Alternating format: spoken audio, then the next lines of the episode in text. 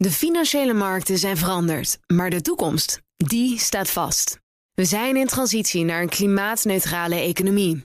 Dit biedt een van de grootste investeringskansen van onze generatie. Een kans voor u om mee te groeien met de klimaatoplossingen van morgen. Meer weten? Ga naar carbonequity.com. Carbon Equity. Do good by investing better. Een goedemorgen van het FD. Ik ben Pauline Zwuster en het is donderdag 25 augustus.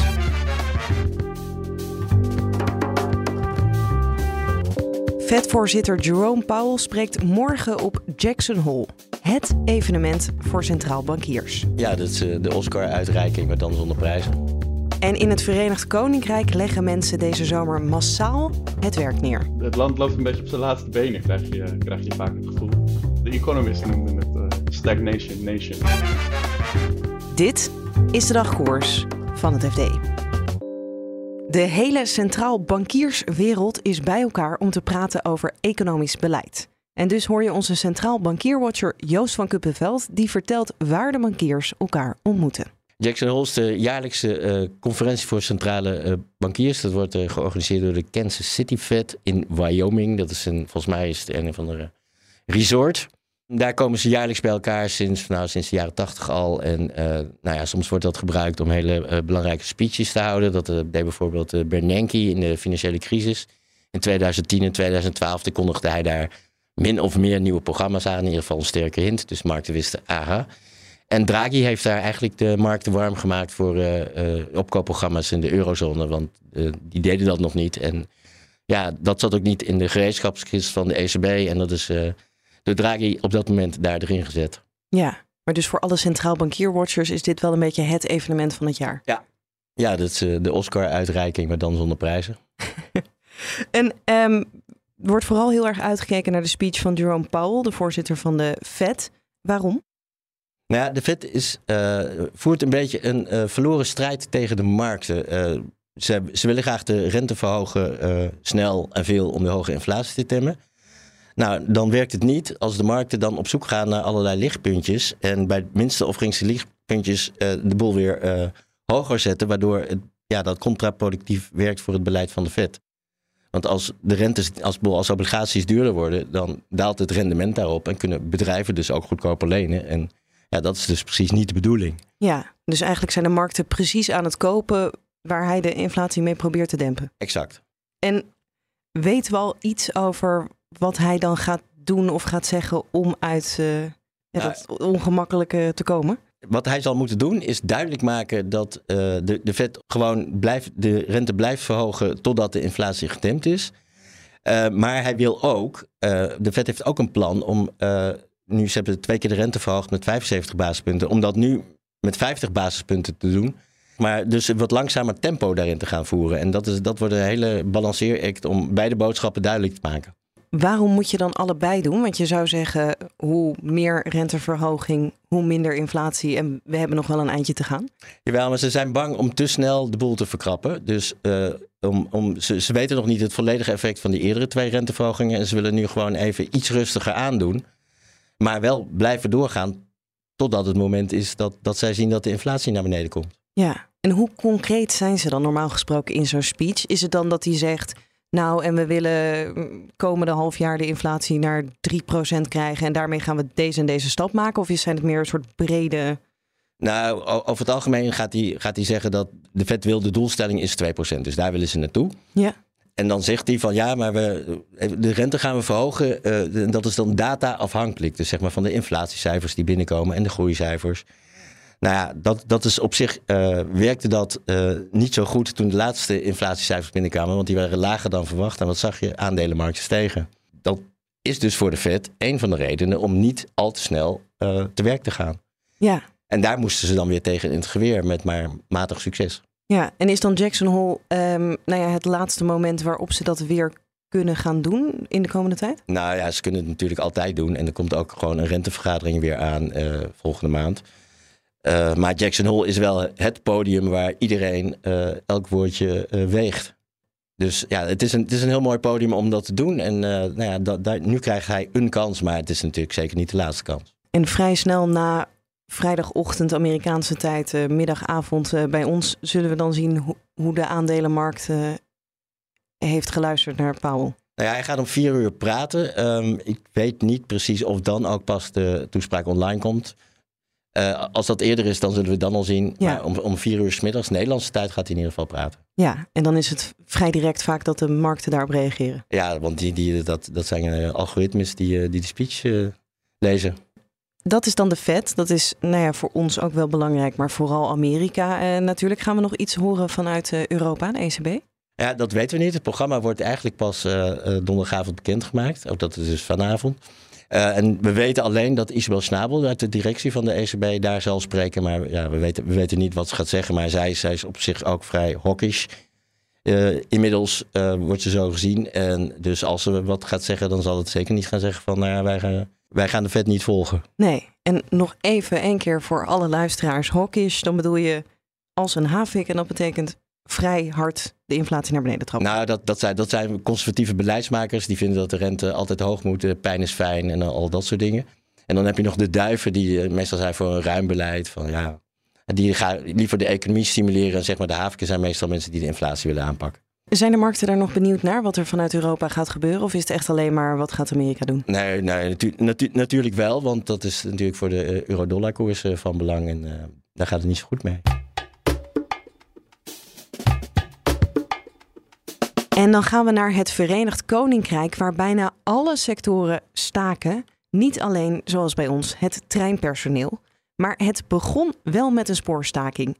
Deze juni, vertelt onze correspondent Joost Dobber. Dat was de eerste staking waarmee de problemen uh, op de kaart werden gezet. Daarna hebben heel veel andere vakbonden en andere beroepsgroepen gezien van, oh kijk, nou, er is kennelijk wel wat, uh, wat mogelijk. Uh, en uh, het heeft zich behoorlijk verspreid. De bussen, de metro's, maar ook buiten het openbaar vervoer. Je hebt nu op dit moment uh, in Edinburgh het beroemde Edinburgh Festival. Maar de vuilnisophalers staken, dus het afval ligt daar in de straten. Dit weekend gaan de postbodes staken. Afgelopen week hebben de strafrechtadvocaten aangekondigd dat ze gaan staken. Er zijn stakingen bij British Telecom, bij Amazon. Misschien gaan de leraren en de ambtenaren en de verpleegkundigen staken. Dus het is echt een lange rij. En wat willen ze dan?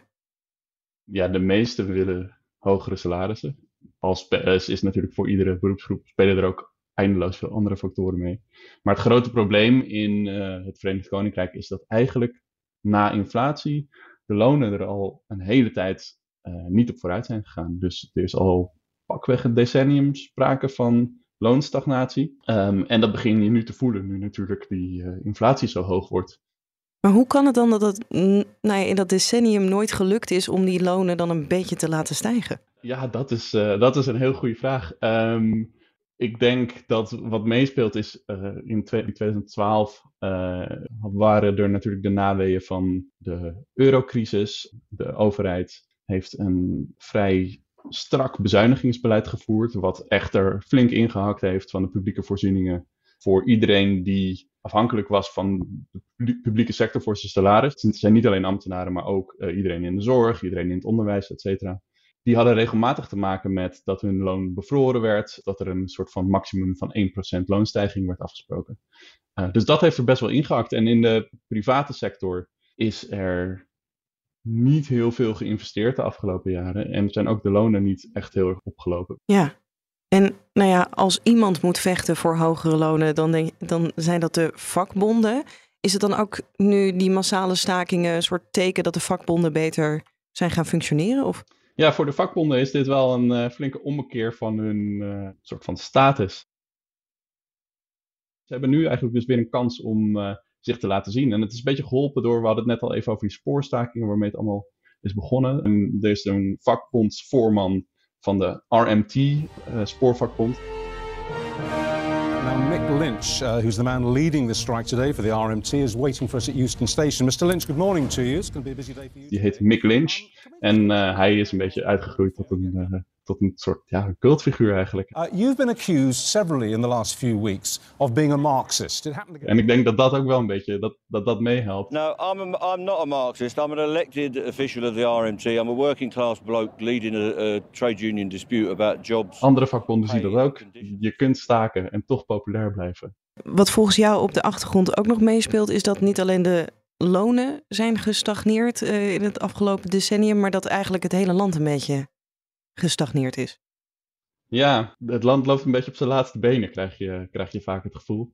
De Economist noemde het uh, stagnation nation uh, recent. En ja, ik noemde net al eventjes dat, dat er te weinig geïnvesteerd is in, in dit land. Dat begin je gewoon te merken. Een hot topic zijn de waterbedrijven. Die zijn geprivatiseerd in de jaren negentig. Die hebben veel dividend uitgekeerd, maar die hebben erg weinig gedaan aan onderhoud van de toch vaak zeer oude pijpen in, in het land.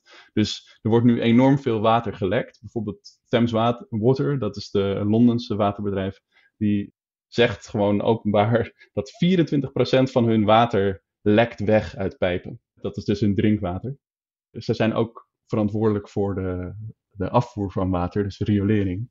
En iedere keer als het regent, vooral na die enorme droogte, als er dan een keer een hoosbui valt, dan uh, stromen die riolen over en uh, dan uh, drijven de uitwerpselen in het oppervlaktewater. Er zijn nu ook echt allerlei stranden zijn gesloten vanwege het feit dat die riolen er in de zee uitstromen.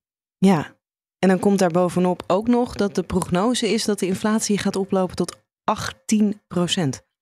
Dat is de jongste raming van Citibank inderdaad. Ja, dat is nog veel erger dan de 13%. 13% is al verschrikkelijk. Daarmee zit het uh, Verenigd Koninkrijk al aan de bovenkant. Volgens mij de hoogste van alle G7, dus alle grote, grote wereldeconomieën. Dat is wel een enorm probleem, want het gaat natuurlijk begin september weten we wie de opvolger van Boris Johnson wordt. Het wordt waarschijnlijk Chris Truss. Maar die heeft een, een, een grote uitdaging om uh, die inflatie het hoofd te bieden. Ja, en als we nog even de vergelijking maken met uh, Nederland. Wij hebben hier ook inflatie, roep om hogere lonen, zelfs ook stakingen op het spoor. Maar niet zo'n massale, het hele land uh, is in rep en roer. Eh, kan jij dat voor ons een beetje verklaren? Hoe het kan dat het in Groot-Brittannië zoveel massaler is? Ja, nou ja, de NS-staking die heeft natuurlijk wel veel gelijkenissen met die hier op het spoor. De NS kampt ook met minder reizigers. het personeel wil ook meer geld. Um, ik denk dat meer in het algemeen um, die lonen wel een belangrijk punt zijn. Want hier is dus al sprake van loonstagnatie voor, uh, het hele afgelopen decennium. In Nederland is dat echt niet zo. Uh, zeker sinds 2014 volgens het CBS zijn de huishoudens er met hun inkomens ieder jaar wel anderhalf à 2,5 procent op vooruit gegaan uh, na inflatie. Dus dat, dat helpt natuurlijk al enorm. En ook dat achterliggende gevoel van een land dat niet meer werkt, uh, is in Nederland misschien iets minder groot dan hier het geval is. Hoop ik in ieder geval. Uh, dat idee heb ik wel. Het, de, het riool stroomt nog niet in de Noordzee, geloof ik.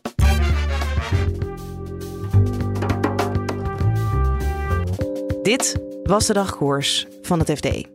Morgenochtend zijn we er weer en ondertussen kun je het laatste financieel-economisch nieuws volgen op fd.nl. Dagkoers kan je vinden en volgen overal waar je podcast luistert. Voor nu een hele fijne dag en graag tot morgen. De financiële markten zijn veranderd, maar de toekomst, die staat vast. We zijn in transitie naar een klimaatneutrale economie. Dit biedt een van de grootste investeringskansen van onze generatie. Een kans voor u om mee te groeien met de pioniers van morgen. Meer weten? Ga naar carbonequity.com. Carbon Equity. Do good by investing better.